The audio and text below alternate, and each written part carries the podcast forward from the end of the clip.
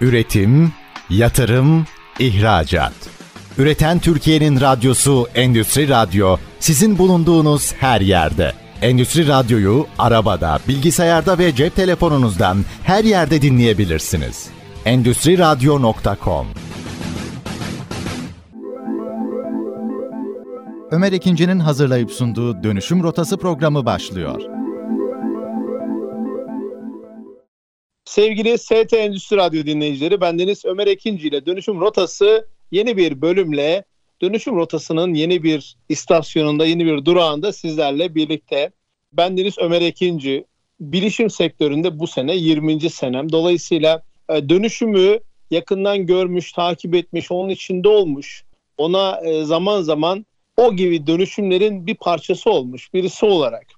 Hele bir de barkod sektörü gibi birçok sektöre yani bir kişilik en küçük bir eczaneden tutun binlerce kişilik dev fabrikalara kadar her türlü sektörün adeta bir lokomotif gibi ya da bir asansör gibi içinden geçen bir sektörden birisi olarak bu gördüklerimi sizlerle konuklarımla birlikte yani benim sorularım ve konuklarımın da özellikle bu dönüşme liderlik eden, bu dönüşme öncülük yapan bu işin uzmanlarına yönelik sorularımla bu dönüşümü sizlerle paylaşıyoruz. Belki sizler de işletmeniz için küçük de olsa bizden ipuçları alırsınız ya da tecrübelerden faydalanarak bir hata eksik yapar, bir gün daha erken e, yola çıkarsanız bu bizim için büyük bir artıdır. ST Endüstri Radyo'da biliyorsunuz artık hepimizin işle güçle ilgili ülkeye değer katan bir şey duyuyorsak radyoda böyle bir zap yaparken bilin ki ST Endüstri Radyo'dayız. Bugün de gerçekten çok tecrübeli bir isimle beraberiz. Sevgili Kadir Uçar, Eka Global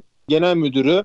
Kadir Bey hoş geldiniz. Hoş bulduk. Merhabalar Ömer Bey. Siz bugün Ankara'dasınız ama normalde merkeziniz İstanbul'da hatta birçok lokasyonda da e, operasyonlarınızı sürdürüyorsunuz. Kadir Bey, şimdi bilişim sektöründe ve bu ekosistemin içinde çok uzun yıllardır bulunuyorsunuz. Sadece aslında sizle sadece kendi şirketinizle konuşmayacağız. Aynı zamanda yerinde duramayan da bir yapınız var. Birçok organize organizasyon, birçok fuar operasyonları, STK'lar birçok yerdesiniz. Dolayısıyla ben size özel olarak normalde bu böyle bir konseptimiz yok ama size özel olarak e, Kadir Uçar'ın bulunduğu yaptığı işleri 360 derece şöyle bir bize gezdirmesini isteyeceğim. Çünkü ilginç bir e, iş modeliniz var. İşin dışında bir de yani işi sosyallikle, sosyal hatta sivil toplumla birleştirmiş e, bir de pozisyondasınız. Şöyle sizi kısaca bir tanıyalım mı?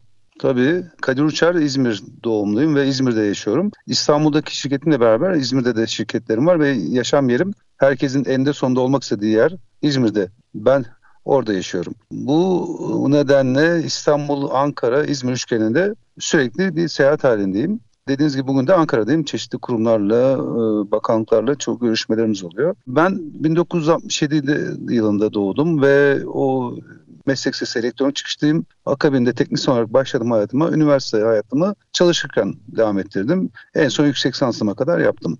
Ama hep 1986'tan bu yana teknisyen olarak başladım hayatımda IBM'de başladım. Artık marka bilinirliği anlamında söyleyebileceğimi düşünüyorum. Bu disiplinden geçtiğim için de bilişimin ilk yıllarından bu yana yani 36 yıl önce başlamış o maceramız o zaman için daha mesleğimizi anlatırken zorlandığımız yıllardan e, bugün hayatın her aşamasında sizin de az önce söylediğiniz gibi dijital dönüşüm, sayısallaşma ve hayatın her aşamasında olan iş hayatının özellikle bilişimin e, birçok yerinde ben de bulundum. E, sevgili gençlerle halen çalışıyoruz. Bu süreç içerisinde tabii ki ilk başta bir yerlerde uzman, işte yönetici vesaire pozisyonda çalışırken zaman içerisinde işlerimizi denk gitti ve artık kendi işimizi kurduk. Yaklaşık 20 yıl oldu. Birkaç firmamız var. Bunlar e, bilişim üzerine, yazılım üzerine çalışan firmalar, IoT teknolojilerine çalışan firmalar. E, ben mekatronik ve e, kontrol sistemleri üzerine eğitim almıştım. Sağlık bilişim üzerine uzun yıllar çalıştım. Yüksek lisansım da o üzerine. Bu nedenle sağlık bilişimi IoT teknolojilerine uzmanlığımız var. Bu çalışmaların sonrasında bir de eş zamanlı olarak tabii ki STK'larda bulunduk ve bulunmaya devam ediyoruz. Geçenlerde şöyle bir baktım 12 tane STK'da görevimiz var fiili olarak. Bu 13-14'te olacak gibi bugünlerde. Çünkü STK'lar e, hayatın kaçınılmaz yeri. Ona ayrıca döneceğim. Şöyle ki Ömer Bey. E, şöyle ki gelmeden ben size çok önemli Lütfen. bir noktadan bahsettiniz. Dediniz ki meslek lisesi çıkışlıyım dediniz.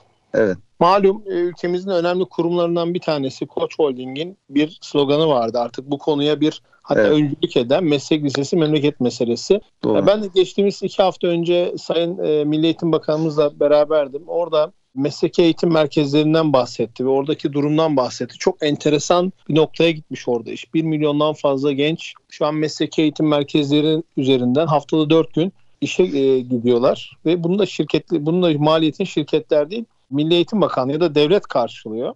Siz meslek lisesinden iş hayatına geçişi sağlamış biri olarak hatta şu anda bir işveren olarak belki meslek lisesi çalışanınız üniversite mezun çalışanınızdan daha da azdır tahminimce. Maalesef öyle. Bu geçişi nasıl buluyorsunuz? Gençlerin meslek liselerinde bulunmasını, çalışmasını, okumasını nasıl değerlendiriyorsunuz? Bence buradan da bir örnek çıkartabiliriz. Şöyle yani mesleksiz benim özelimde ben ortaokulu İmam Hatip Lisesi'nde okuyordum ve ailemin yapısı gereği İmam Hatip Lisesi bizim için güzel bir eğitim kurumu olarak devam ediyordu ve ama benim de içimde için için devam eden bir elektronik aşkı vardı. Mahallemizdeki elektronikçi o zaman için işte televizyon tamircisi olan komşumuza gider havya tutar işte tamirine, anten e, montajına vesaire televizyon radyo tamirlerine katılır, izler. Bazen de kendim de yapabildiğim kadar yapar.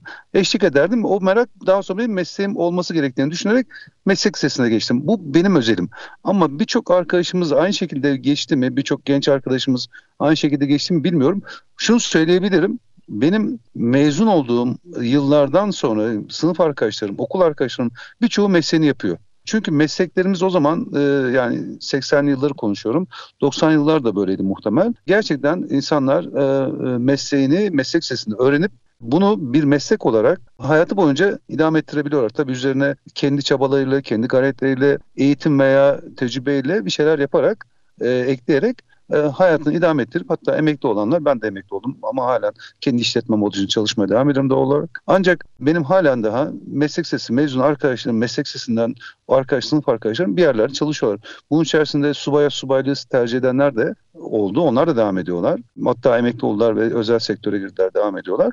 E, şunu söylemeye çalışıyorum Ömer Bey yani bu mesleği e, bizler severek yaptık zamanında severek girdik ve halen ya- yapmaya devam ediyoruz bir şekilde. Benim birçok arkadaşım da yapmaya devam ediyor. Meslek liselerinin zaman içerisinde evrilip işte eğitim sisteminin bazen işte arada iki taş arasındaki buğday tanesi gibi bazı sebeplerle birçok sebeple e, maalesef e, yok edilmesi, azaltılması, sevgisinin azaltılması, e, öneminin azaltılması. Ne derseniz deyin bu önemi ve doğal olarak meslek kalitesinde, meslek sitelerinin kalitelerinde bir dönem düşürdüğünü biliyorum.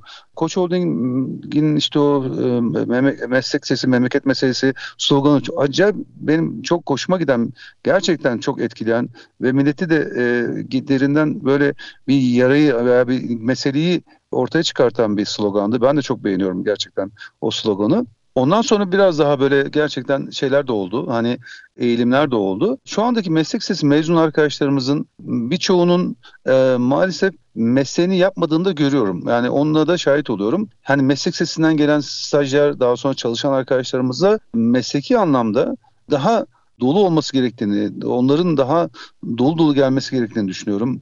Ee, bizler zamanında işte staj yaparken mezun olduğumuzda ilk işimize gittiğimizde elimize alet edevat elinde çanta belinde servise gittiğimizde onarımlara gittiğimizde üretime geçtiğimizde e, gerçekten hani bir mühendis gibi işte bizim iyi bir eğitim altımızı söyleyebilirim. Şu anda da inşallah o seviyeye gelmiştir, yine gelecektir veya belki de bizde geçmiştir. Çok hani böyle bunu hani ölçme değer, değerlendirme yapacak bilgiye sahip değilim. Ancak gördüğüm kadarıyla bize gelen stajyerlerden biraz eksikleri olduğunu söyleyebilirim. Belki dediğim gibi bana istisnalar gelmiş olabilir. Çalışanların e, birkaç cümleyle tamamlayayım. Şöyle çalışan meslek sesi mezunlarının bugün için konuşursak yeni mezunların gerçekten fırsat verildiğinde iyi işler yapabileceğini düşünüyorum ve hani ara eleman kelimesini çok sevmiyorum. Zaten bizim meslek liseleri veya meslek okulları mezunları da çok sevmezler ara eleman. Biz aslında ana elemanı e, yani ana elemanız. Ben aynı zamanda meslek yüksekokulu da mezunuyum. E, biz ana elemanız. Çünkü dolgu malzemesi değil çekirdek kadroyuz orada. E, işte yüzlerce teknisyen, yüz, e, onlarca e, işte tekniker, işte birkaç tane mühendis olur genelde biliyorsunuz bir işletmelerde. Yani işi üretenler ve işi yapanlar, makinenin başında olan, e, CNC'nin başında olan, işte tezgahın başında olan insanlar genelde teknisyen veya usta, ustabaşı, çırak vesaire. Yani sevmesem de işte o ara eleman dedikleri aslında ana elemanlardır. Ve o elemanların iyi, iyi eğitilmiş olması gerektiğini düşünüyorum halen. Valla önemli bir noktaya geldi ve bence manşet de verdiniz. Çünkü ara eleman değil ana elemanız önemli bir vurgu. Aslında bu personelin, bu profilin bence özgüveninin yükselmesi de ki bugün baktığımızda yurt dışında birçok Avrupa'da, Amerika'da bu sizin ara eleman dediğiniz, daha doğrusu tabirin adı bu ama sizin ana eleman dediğiniz bu personelin eksikliğini yaşıyorlar. Hatta Geçtiğimiz günlerde bununla ilgili birkaç e, yazıda yazdım. Şu anda dünyada usta dediğimiz hani eliyle, tecrübesiyle iş yapan teknik personelin işte tamir yapanlardan tutun da hani terzisinden, ayakkabı tamircisine, elektronik tamirine, telefona, tablete, bilgisayara inanılmaz bir boşluk var. inanılmaz bir açık var ve Amerika'da bir teknik servis hizmeti 3 ay e, sürdüğü söyleniyor. Hatta bize yurt dışından ürünler geliyor servise. Ve bir de çok enteresan bu ürünlerin oralarda servislerin çok uzun sürmesi. Türkiye'de hala bu personelimiz, profilimiz devam ediyor. Yani bunlar var dünyada yok ama tabii Türkiye'de de araya bir pandemi girdi. Üzerine işte 2-3 sene gençler staj yapamadılar, iş yapamadılar bir taraftan bunun gibi bazı sorunlarımız var ama yine de tabii meslek liseleri, meslek eğitim merkezleri, sizin bizim gibi işletmelerin bu gençlere el uzatıp onlara işte işin başında öğretmesi bu e, farkı kapatacak ve Türkiye belki bu anlamda dünya için önemli bir merkez haline gelecek. E, bu da işte o dolgu malzemesi değil. Ne demiştiniz? Ana eleman. Ana eleman olduğunda bir anlamda ispatlamış oluyor. Şimdi tabii birazdan küçük bir araya gideceğiz. Sizin ben sizi kendiniz tanımlarkenki son cümlelerinizi alayım sonra da bir yavaş yavaş bir araya gidelim. İkinci bölümde de şirketinizin yaptıklarından bahsedeceğiz. Peki şöyle dediğim gibi elektronik ve bilgisayar eğitimi aldıktan sonra zaman içerisinde yine işletmelerde çalıştığım işletmelerde profesyonel kurumsal işletmelerde ihtiyaç ve işte bizim e, bilişim kökenli olmamızın kaynaklı uluslararası bir firmada çalışırken bizi zamanında 90'lı yıllarda e, yönetim sistemleri, kalite yönetim sistemleriyle tanıştırdılar ve o dönemde işte onların dokümante edilmesi, kaydedilmesi e, iyi bir bilgisayar bilgisi gerekiyordu doğal olarak bizi işin çekirdeğine o zaman için işte kalite temsilcisi mantığında e, işin e, eğitim almış almamıza sebep oldular. Sağ olsunlar bize bir meslek edindirdiler. O da bir mesleğimiz oldu. Kalite yönetim sistemi benim 90'lı yıllarda daha sonra baş denetçi eğitimleri alarak tamamlayarak uluslararası firmalardan yine artık kendimiz tamamladık bu e, eğitimlerimizi. Kalite baş denetçiliği e, ISO 9001, 14001, 45001 gibi, 27001 gibi konularda kalite konusunda çalışmamıza sebep oldu. O da benim bir iş dalımı oldu daha sonra. Dördüncü, beşinci işimken şimdi ikinci, üç, üçüncü işlerim oldu. E, kalite yönetim sistemleri üzerine danışmanlık ve belgelendirme yapan bir firma haline geldi. Bir işimiz de o şu anda kendimizden bahsetmek gerekirse. Daha sonrasında işte son beş yıldır da biraz hasbelkader, biraz ihtiyaç gereği ee, yaşadığım şehir işte İzmir ve Ege bölgesinde çok iş yap, yapıyoruz. İstanbul'daki işimizden çok böyle bu anlaşılmıyor. Çünkü oradaki ayrı bir cumhuriyet orada siz daha iyi biliyorsunuz. Daha çok yaşıyorsunuz içinde. Ama benim bir de e, onu atladım aslında. Bir, bir 10 yıl kadar da eğitimcilik tecrübem var.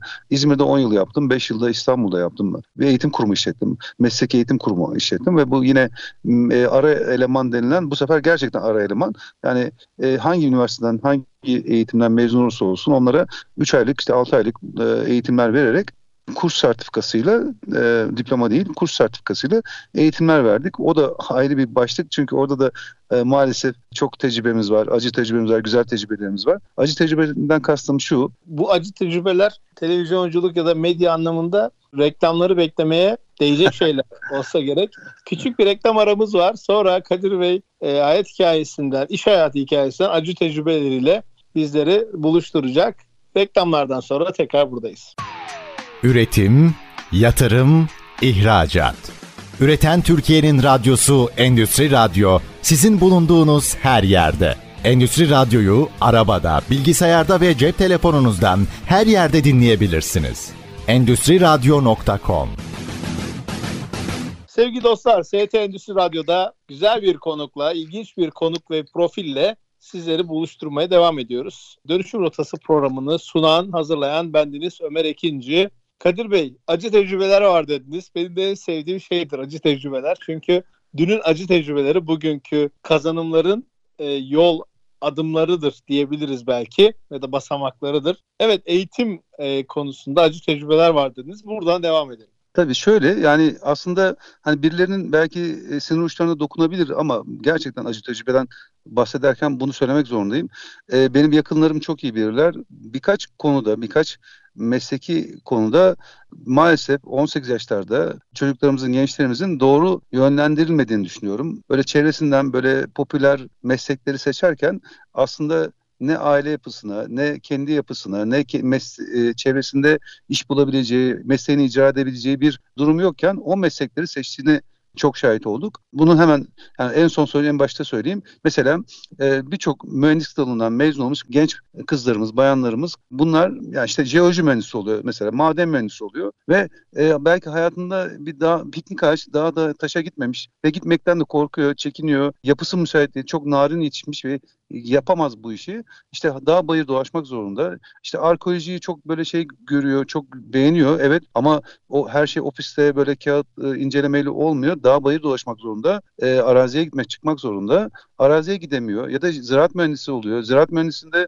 e, her şeyi Mesela e, işte hayvanlarla ilgili bir birim seçtiğinde biliyorsunuz 10-11 tane bölüm var. Onları seçtiğinde veya işte bitkiyle ilgili bir şey seçtiğinde işte pazarda gördüğü sebze meyveden başka ya da pet hayvanları dediğimizde kedi, köpek, van, kuş tarzında evlerde gördüğü hayvanlardan başka gidip işte bir ineğin doğumunu işte bir keçinin, kuzunun işte ya da bir yaban hayvanının geri geldiğinde operasyonu yap, yapma yetisi varken e, aslında ona e, yapma ruh halinde olmadığı için mesleğini yapamayan çok ziraat mühendisleri, e, işte veterinerler, jeodezi mühendisi, jeoloji mühendisi çok enteresan mesleklerle karşılaştık ve bu benim bunlar bizim benim kurslarım oldu ve ben bu, bu arkadaşlar bize gelip işte bir miktar para ödeyip 2 aylık, 3 aylık, 4 aylık kurslar alarak aldığı 4 yıllık, 5 yıllık hatta bazen yüksek lisanslı eğitimler bir yana bırakıp sadece lisans mezunu veya yüksek lisans mezunu ancak bir kur, kurs sertifikasıyla gidip bir hastanede veri kayıt elemanı, bir işte postanede,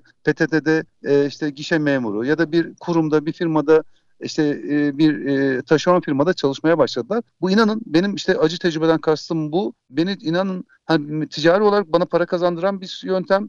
Bir altyapı geliyor maalesef maalesef diyorum benim kursiyerlerimin %90'ı bayandı ve kızlarımız e, bazen de sosyalleşmek adına geliyordu. Yani sadece evden çıkıp geleyim bir işte hafta sonu cumartesi pazar bir eğitim alayım diyenler de vardı. Ama onun haricinde meslek e, kazanmak için, mesleğini yapamadığı için lise mezunu, ön lisans mezunu, yüksek e, işte lisans ve yüksek lisans mezunu fakat mesleğini yapamadığı için o e, aldığı 4 yıllık, 6 yıllık eğitimler, 2 yıllık eğitimleri bir kenara koyup devletin ona harcadığı paraları düşünürsek, zamanını düşünürsek, ailesinin beklentilerini düşünürsek bunlar hep bir kenara konup maalesef e, böyle e, yanlış tercihlerden dolayı e, bilerek veya bilmeyerek, bilmeyerek ağırlıklı maalesef böyle bir eğitim hayatımız oldu. Hatta bunların içerisinde işte dediğim gibi takıntılı olduğum üç konu var mesela. Ve bütün insanların yani yani nefes alan bütün insanların bilmesi gereken üç tane mesleğe çok inanıyorum. Bir tanesi sosyoloji, birisi felsefe, birisi psikoloji. Bu konuda hemen herkesin mutlaka eğitim alması gerektiğini düşünüyorum. Ancak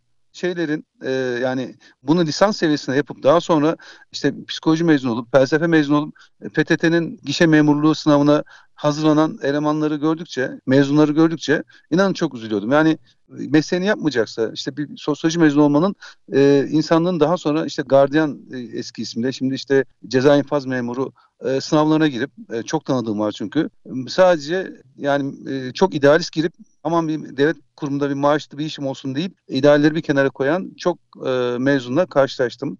Demek istedim işte biz bugüne kadar on binlerce mezun verdik. İstanbul'da işte Kadıköy'de bir yerim vardı. İzmir'de Alsancak'ta. Toplamda 15 yıl yapmış oldum bu e, e, mesleki eğitimi. Orada da gerçekten e, eğitim sisteminde e, eğitim, mesleki eğitimin ne kadar değerli olduğunu veya yanlış tercih yapmanın ne kadar e, büyük hat, e, sıkıntılara sebep olduğunu insanın meslek hayatında bunu da gördüm. Doğru tercihler de var tabii ki. Yani herkes ben yanlışları söyledim. Doğrular da var. Yani işte yapı, yapısal anlamda kendine uygun bir meslek seçip onunla ilerleyen tabii çok insanla da karşılaştım. Sadece kendini geliştirmek için, sadece sosyalleşmek için ya da bazı insanların şeyinde vardır Ömer Bey. Yani ben de bunlardan bir tanesiyim. Bir meslekle yetinmez yani. Mes hani hayat boyu öğrenme mantığı vardır ya. Birden fazla e, meslek edinmek ister. Hayatın e, hangi döneminde ne yapmak isterse, hangi mesleği yapmak isterse, hangi iş yapmak isterse o diplomasını, o eğitimini, o bilgi birikimini e, masaya koyar. Onunla hayatını e, idame ettirir. Böyle insanlar da vardı. Yani elinde birkaç tane diploma, birkaç tane sertifika, birkaç tane eğitimiyle birlikte hayatını idame ettiren insanlar da oluyor. Biz bunları şey yaptık yani bunlarla çok karşılaştık. Hem eğitimi hem mesleki eğitimi yöneten bir pozisyonda olsanız nasıl bir e, şablon çizersiniz eğitim ve mesleki eğitim konusunda hem bireysel hem de toplumsal olarak, kümülatif olarak nasıl doğrusu ne olurdu sizce? Hem insanların istediği mesleği yapabilmesi, hem yeteneğini yettiğini yapabilmesi, hem okulunu hem de işini sağlıklı şekilde idame ettirmesi için nasıl bir senaryo hayal edersiniz bu kadar tecrübenin üstüne? Estağfurullah. Şöyle hani sadece benimki bir saptama olur birkaç tane. Biliyorsunuz derler ki hani ölçmeden hiçbir şeyi değerlendiremezsiniz. Ölçme değerlendirme çok önemli burada. Bizim eğitimlerimizde yani bizim kalite yönetim sisteminde de vardır bu. E, eğitimcinin değerlendirmesi, eğitimin değerlendirmesi gibi formlar vardır. Hadi bunlar ama sonradandır. Yani eğitim biter, Ondan sonra eğitimciyi, eğitimin niteliğini, eğitim yerini, eğitim materyallerini, işte ortamı vesaire vesaire bunları zamanını falan değerlendirir eğitime katılanlar ama artık iş bitmiştir. Aslında burada en başta bu işin plan, doğru planlanması gerektiğini düşünüyorum. Yani e, bununla işi aslında yapan profesyonel, çok profesyonel kişilerle tanıştım. İşte bir öğrencinin işte e, ortaokuldan lise, liseden üniversiteye geçerken yani sınavlara girmeden önce neye yönelimi varsa, hangi konuda yönelimi varsa bu konuda profesyonel e, öncelikle o konulara eğitimi yönelmesi, eğitime yöneltilmesi çok da anlamlı. E, işte yani mesela e, yazılım firmama bir örnek vereceğim kendimden. Yazılım firmama bir tane şey aldım. E, bilgisayar mühendisi bir arkadaş aldım. Babası tanıdığım, öğretmen çok sevdiğim bir arkadaşımız, abimiz. Bana getirdi e, genç arkadaşı. Arkadaşımız ODTÜ'den bilgisayar mühendisi, fen lisesi mezunu. E, yani eğitim düşünün. E, 4 hazırlığı çok pas geçmiş. 4 yılda ve çok iyi dereceyle bitirmiş. 4'e yakın bir dereceyle bitirmiş. Babası diyor ki ne olur Kadir Bey benim oğlumu işe al. Ya ben zaten hani öyle bir çocuğu hani arayıp da bulamadığım bir eğitim mesela. Böyle deyince işkillendim. Dedim yani hayırdır? Dedi ya yeter ki işe al ben dedi maaşını ben vereyim. Ya olur mu dedik yani biz çalıştırırız maaşını biz veririz. Ya dedi sen dedi yani bir al başlat falan tamam alayım başlatayım. Ben hani hazırlık için çok yüksek bir maaş vermedim. Böyle deneme süresi vesaire. Ama biz o çocukla bir arkadaşla bilgisayar mühendisi, ODTÜ'lü bilgisayar mühendisi arkadaşlar bir aydan fazla çalışamadık. Ve ben çok düşük maaşla çalışmaya razı çocuk. Neden? Çocuk asosyal. Çocuk e, matematik zekası süper, sayısal zekası süper ancak sosyal zekası zayıf. Yani o çocuğun sadece e, sayısal zekası iyi diye mühendis yapılıp, bilgisayar mühendisi yapılıp e, zaten bilgisayarcıların çoğu bilgisayarla çalıştıkları için asosyalleşiyor zaman içerisinde. Değilse bile asosyalleşiyor. Çünkü yani şimdi Ömer Ekinci ile Kadir Uçar çok rahat yüz yüze konuşsa konudan sabahtan akşama kadar konuşuruz. Bir, bir yüzlerce onlarca konu buluruz ve akşama kadar konuşuruz. Sosyal insanlarız. Bu bizim yapımızda var. Ama bazı sayısalcılar, bazı bilgisayarcılar insanı bir şey gibi hani on off gibi görüyorlar. Yani istediğim zaman kapatırım, istediğim zaman açarım mantığıyla bakıyorlar. Yani ama Ömer Ekinci'yi sustur bakalım kolaysa. Duyguları var. Kadir Uçar'ı konuş, sustur. Kolay değil. Yani nefes aldığı sürece konuşur istediği zaman. Bunu bilgisayarın başına geçen sadece kendi verdiği komutlarla çalışan bir materyale e, hükmeden, delege eden bir insana bir sayısal zekası var diye o mesleği seçtirdiğiniz zaman bir süre sonra şey yapıyorsunuz, haksızlık yapıyorsunuz. O insanlar bir süre sonra e, içine kapanıyor. Vericiliği e, bakın zaten alıcı olamıyor bir de vericiliği de bitiyor. Yani kendini de geliştiremediği için bir süre sonra şey de bitiyor. Yani ondan fayda da elde edemiyorsunuz o arkadaşlardan. Diyeceğim evet. şu Ömer Bey, hani e, az önce söyledim tekrar söyleyeceğim. E, bir meslek seçerken bir, belki de çok iyi tıp eğitim alacak bir arkadaş belki mühendis oluyor. Ya da çok iyi öğretmen olacak bir arkadaşı biz felsefeci yapıyoruz. Ne bileyim işte bir çok iyi teknisyen olacak, teknisyen kalması gereken bir arkadaşa illaki zorla aile ve sosyal baskıyla, toplum baskısıyla illaki bir üniversite bitirmek zorunda kalmasını sağlıyoruz. Ondan sonra iyi bir üniversiteden kötü bir mühendis çıkıyor. Bence eğitimin sonunda değil başında insanların değerlendirilmesi, yönlendirilmesi, o kılavuzluk baştan yapılması gerekiyor diye düşünüyorum. Yani bir taraftan da şunu söylüyorsunuz aslında aradan e, cımbızlayıp alayım. Lütfen. Yani ne uzmanlık ne teknik meslek olursa olsun bir Evet. yandan da aslında işin sosyal boyutu, insani boyutu bunların da aslında patlatan o o tecrübeyi, o bilgiyi alıp da bir yere taşıyan bu sosyal bilgi olmuş oluyor. Ya da belki multidisipliner olabilmeyi de söyleyebiliriz bunun yanında. Multidisipliner davranabilmeyi yani tekniğin yanında çok iyi mühendistir ama satış becerisi olduğu zaman o çok bambaşka bir yere taşır işi. Çünkü satış yapabilen teknik bir adam ürünü çok çok daha iyi anlatır ve çok daha fark yaratır. Bunu da aslında buradan bizi genç arkadaşlarımız, genç yeni işe başlayan yeni mühendisler, yeni işletmeciler dinliyorlarsa çok önemli bir fark da buradan oluşturulabilir diyorsunuz gibi anladım. Doğru. Yani insanların tek bir mesleğim var deyip ona işte e, hayat denize düşmüş ve can sivilcine sırılmış bir insan gibi sadece tek bir meslekle, tek bir yetenekle ilerlemesinin ben doğru olmadığını düşünüyorum. Hatta o insanların başka sosyal yeteneklerinin de olması gerektiğini düşün- düşünüyorum. Belki hani hayat tarzına göre iyi bir dans eğitimi alıp belki de iyi bir halk oyunları dansı da öğrenmesi lazım. Çünkü orada ekip var. Ekip çalışmasını işte ne bileyim iyi bir belki matematik zekası varsa gidip işte satrançla ilgili, bridge ile ilgili ne bileyim yani böyle sosyal kendini sosyalleştirecek zekasını da kullanacak. Aynı yani zeki ya, sayısal zekası da var ya. Gidip belki o zekasını sosyalleşme için de kullanacağı, belki orada tanışacağı insanlarla network yapıp işte satış ve- veya işte kendisini geliştireceği başka bakış açıları sağlayabileceği bir e, ortama girmesi gerektiğini düşünüyorum. Yani bilişimciler işte ne mühendisler işte ne bileyim e, makineciler e, farklı aynı aynı sektördeki insanlar kendi sektöründe insanlarla geliştirerek ke- sadece kendi konusunda kendini geliştirebilirler ihtimal ama çoğunlukla yani tabii bu bu bu, bu yani şey değil böyle bir kural yok ama genelde kendi konusunu dışındaki konularda multidisipliner olarak çalışması, e, kendini geliştirmesi başka e, faydalar da sağlayacaktır. Dolaylı olarak da sağlayacaktır. Hem kendini geliştirecek hem de mesleğine, sektörüne başka faydalar getirecektir diye toparlayabiliriz. Şimdi tabii bir de sizin fuarlar var, organizasyonlarınız var. Biraz da onlardan bahsedeceğiz. Hatta güncel olanları biraz anlatmanızı isteyeceğiz. Tabii. Çok küçük bir reklam arasından sonra son bölümle karşınızdayız. Üretim, yatırım, ihracat. Üreten Türkiye'nin radyosu Endüstri Radyo sizin bulunduğunuz her yerde. Endüstri Radyo'yu arabada, bilgisayarda ve cep telefonunuzdan her yerde dinleyebilirsiniz. Endüstri Radyo.com Sevgili dostlar, ST Endüstri Radyo'da bendeniz Ömer Ekinci ile dönüşüm rotası tam gaz devam ediyor. Eka Global Genel Müdürü Kadir Uçar'la beraberiz. İki bölümde gerçekten önemli noktaları temas etti. Tecrübesiyle yaşadıkları başarıları, başarısızlıkları, e, acı tecrübeleriyle beraber güzel bir hikaye dinlemiş olduk. Şimdi Kadir Bey, önemli organizasyonlara da imza atıyorsunuz. Bu mesleki bilgileriniz artı STK tecrübeleriniz sonunda bir yere bağlanıyor ve bu fuarları organize ediyorsunuz. İzmir bölgesinde e, yapıyorsunuz bunları. Bu fuarlardan bir bahsedelim. Buralarda neler amaçlanıyor, neler içeriyor ve yakın zamandaki fuarlarınız bize bir tanıtın isterseniz. Belki yolumuz düşer, geliriz ziyaretinize. Tabii dinleyelim sizden. Tabii ki. Öncelikle hepinizi, herkesi fuarlarımıza bekliyoruz. Misafir etmekten çok mutlu oluruz, onur duyarız. Gelmeniz bize çok şeref katar. Onu unutmadan söyleyeyim. Zaten hani bu e, bazı takımlar söyler ya herkes bir gün şu olacak diye. Ben herkes bir gün İzmir olacak diyorum. İzmir e, bi- bizim e, doğunun en batısı, batının en doğusu bir şehir. Yani biz eninde sonunda herkesin bir gün İzmir'e geleceğini düşünüyoruz. Şöyle ki e, Ömer Hocam, bizim 5 sene önce bir a, arkadaş ortamında tartışırken STK'larda yine bizim gençlerimizin özellikle bilişim sektöründe tek, ve teknik işlerle uğraşan e, işte IoT ile uğraşan, makineyle uğraşan işte bir şeylerle uğraşan gençlerimizin çoğunun Ankara gibi böyle biraz daha disiplinli bir şehirde kamuyla çok iş yapamadıklarını ya da firmalar sahiplerinin yani hangi yaşta olursa olsun böyle bürokrasiden biraz kaçtıklarını, diplomasiyi çok sevmediklerini gördük. Bu bizim hepimizin şikayet ettiği bir şeydi. Yani bizim özellikle gençlerimiz bilirsiniz özellikle pandemide çok alıştı buna insanlar.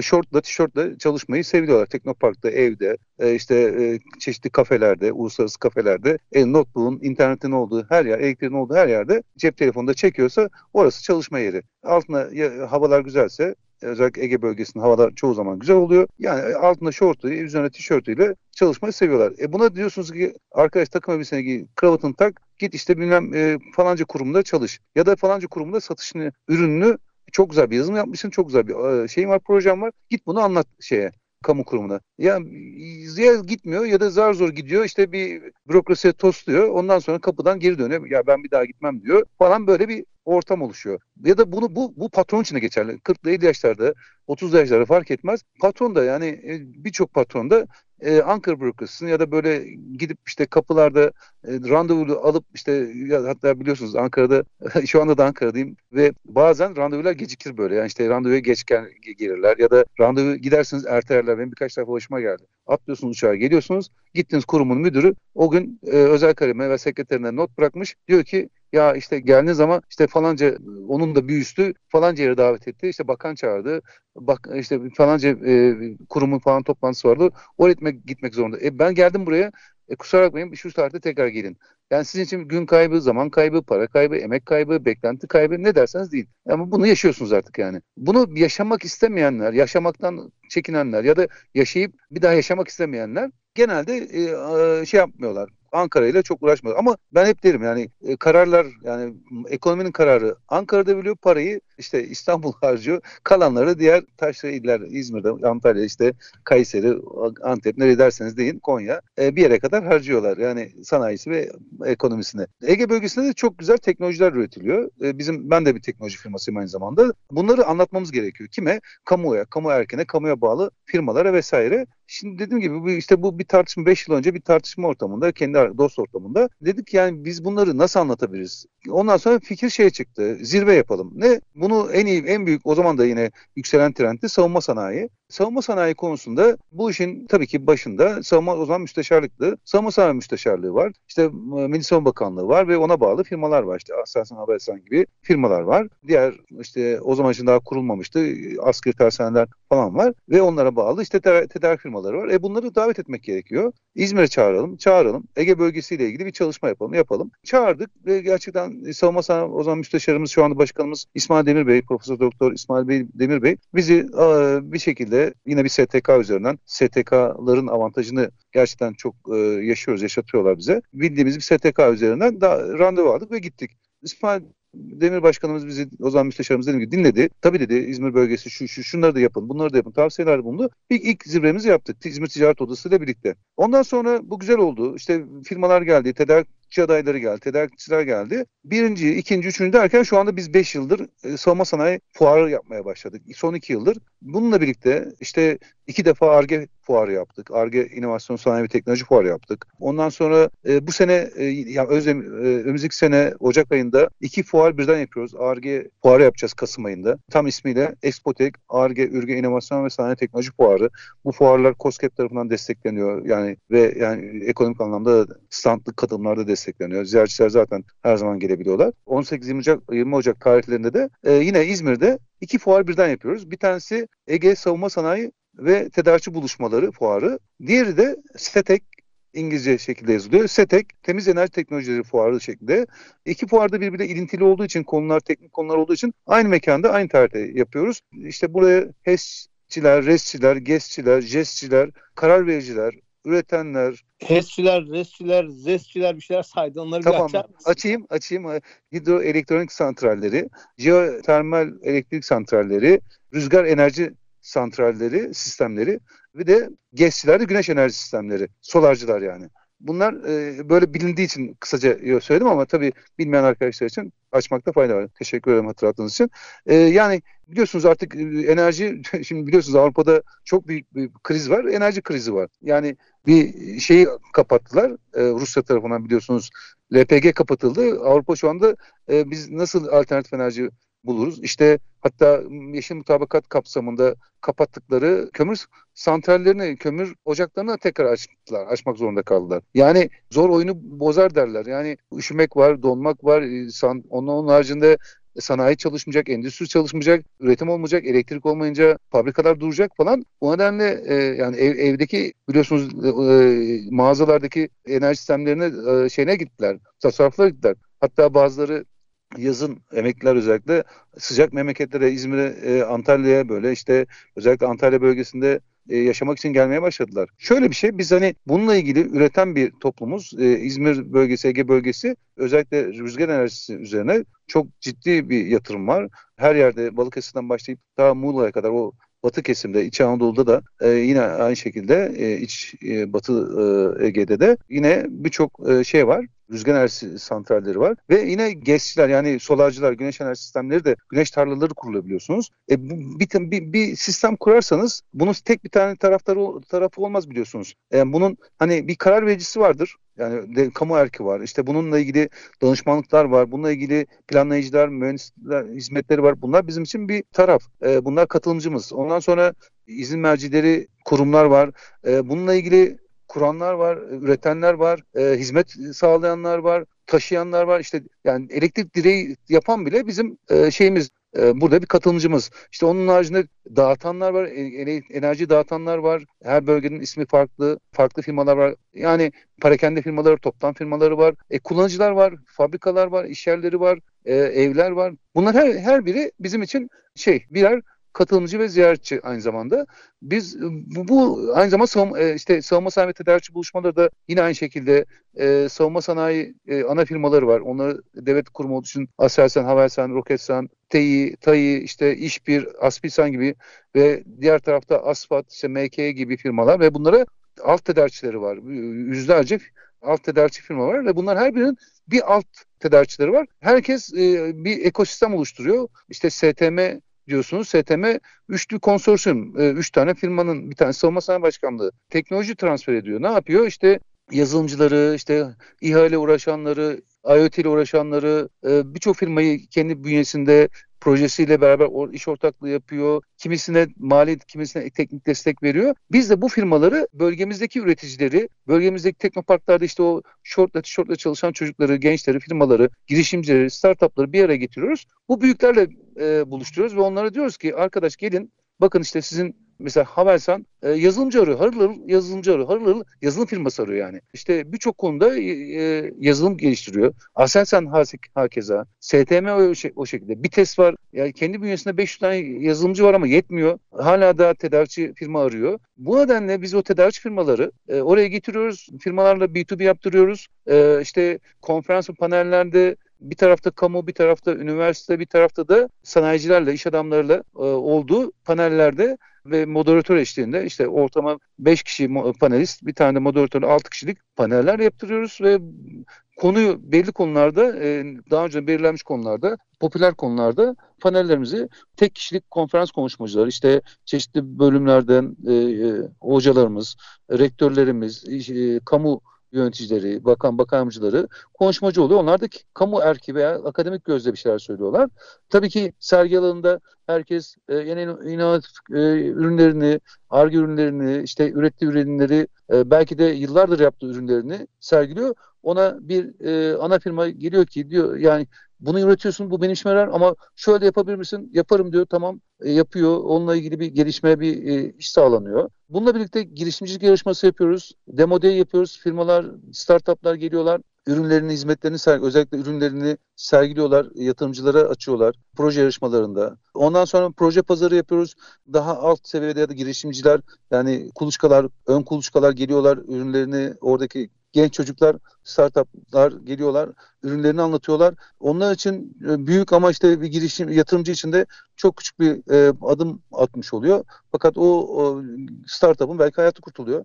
E, startupların da biliyorsunuz bazılarının mali desteğe ihtiyacı var, bazılarının teknik desteğe ihtiyacı var, bazılarının tecrübeye Bazılarının personel insan kaynağına ihtiyacı var. Herkes ne istediğini söylüyor. Onlar da yatırımcılar da biz sana şöyle destek verebiliriz diyorlar. Ya da yani bu da, bu da güzel bir şey. Ya da senden ve projenden bir bir şey olmaz diyor. Yani hiç umutlanma diyor. E, sen normal e, hani savunma sanayine girme ya da enerji sistemine girme. Sen normal ne yapıyorsan oraya gir diyor. Yani sen e, yani hiç umutlanma çünkü bu proje olmaz diyor. O da o da bir önemli çok değerli bir e, çünkü şey bilgi. Çünkü çocuklar hani savunma sanayi çok cazip. %30'lardan %70 yerleşme hatta %75'lere geldi şu anda yerleşme. Biz özetle şunu yapıyoruz Ömer Bey. Savunma sanayi ve enerji sistemlerinde ve büyük ölçekli teknoloji firmalarını aklınıza gelebilecek yani böyle e, marka saymamak adına ya böyle e, ilk yüzdeki say birçoğunu İzmir'e Ege bölgesine getirtiyoruz ve OSB'lerdeki organ sanayi bölgelerindeki e, startuplardaki özür dilerim teknoparklardaki startupları, girişimcileri her türlü firmayı onlarla buluşturuyoruz. E, işbirliği yapmasını sağlıyoruz. Teknoloji transferleri konusunda birbirleriyle görüşmelerini sağlıyoruz. İşte kalkınma ajanslarını çağırıyoruz. Onlar devlet desteklerini anlatıyorlar. COSGAP başarılı projelerini getiriyor. Yani Bos, mesela en son e, fuarımızda çok güzel oldu. E, İzmir COSGAP getirdi. Mesela 15 tane firmayı getirdi. COSGAP'ten ARGE desteği almış, başarılı olmuş ve bunlar da sonuçta e, yatırım yapmış, artık girişimci olmuş, e, bazıları ihracat yapmış firmaları getirdi. Bunlar da e, örnek olarak, başarı hikayesi olarak geliyorlar ve insanlar özeniyor, firmalar özeniyor. E, biz de yapabiliriz, biz de olabiliriz diyorlar. Böyle e, yani teknolojinin konuşulduğu, savunma sanayinin konuşulduğu, enerjinin konuşulduğu e, etkinliklerimiz var. Tarihleri tekrarlamak gerekirse 18-20 Ocak'ta e, İzmir Tepekule e, Bayraklı'daki sergi ve kongre merkezinde 18-20 Ocak'ta e, 2023'te savunma sanayi ve enerji fuarımız var. 1-3 Kasım'da da ARGE fuarımız var. O da Gazemir fuar alanında. Ben uzun konuştum. E, lütfen sizlere sorularınız varsa alayım. Teşekkür ediyoruz. E, bu fuarlarla ilgili bir web adresi varsa onu da isterseniz söyleyin. Çünkü bugün aklınızda kalır, yarın kalmaz. E, etkili olur diye düşünüyorum. Çok teşekkürler. Savunma sanayi fuarımızın web sitesi esasexpo.org. Enerji fuarımızın web sitesi ise setek.org.tr web sitemiz bunlar. E, sosyal medyada varız. Bildiğiniz tüm sosyal medyalarda var. Sürekli postlar çıkıyor, sürekli paylaşımlar çıkıyor. Katılımcıları e, kolaylaştırıcı. LinkedIn'den eklemeleri de aslında birçoğunu takip etmek için yeterli olacaktır. Evet, LinkedIn'de varız. Yani. LinkedIn'de varız. Evet programımızın sonuna geldik. Kadir Bey size çok teşekkür ediyorum. Ankara programımızda da olsa bize yer ayırdınız, vaktiniz ayırdınız. Ben de sizleri dinleyenlerimle buluşturmak, Endüstri Radyo'nun dinleyenleriyle buluşturmak istiyordum. Ee, güzel bir denk gel- geliş oldu. Teşekkür ediyoruz katkılarınız için. Ben de çok teşekkür ederim. ST Endüstri Radyo'ya ve dinleyenlere başarılı, güzel, verimli bir abimizin deyimiyle siz de biliyorsunuz üreterek tüketilen zamanlar diliyorum. İnşallah e, zamanı üreterek tüketelim ve güzel işler yapalım. Ülkemize, milletimize, yaşadığımız e, neresi varsa oraya faydalı işler yapalım. Çok teşekkür ederim. Evet, teşekkür ediyoruz sevgili Kadir Uçar'a. Sevgili dostlar, bugün de ST Endüstri Radyo'da Dönüşüm Rotası programında bendeniz Ömer Ekinci'nin hazırlayıp sunduğu Dönüşüm Rotası programındaydınız. Tüm diğer bölümlerimize de sitemizden stendüstriradyo.com'dan ulaşabiliyorsunuz. Diğer bölümlerde görüşmek dileğiyle. Hoşçakalın.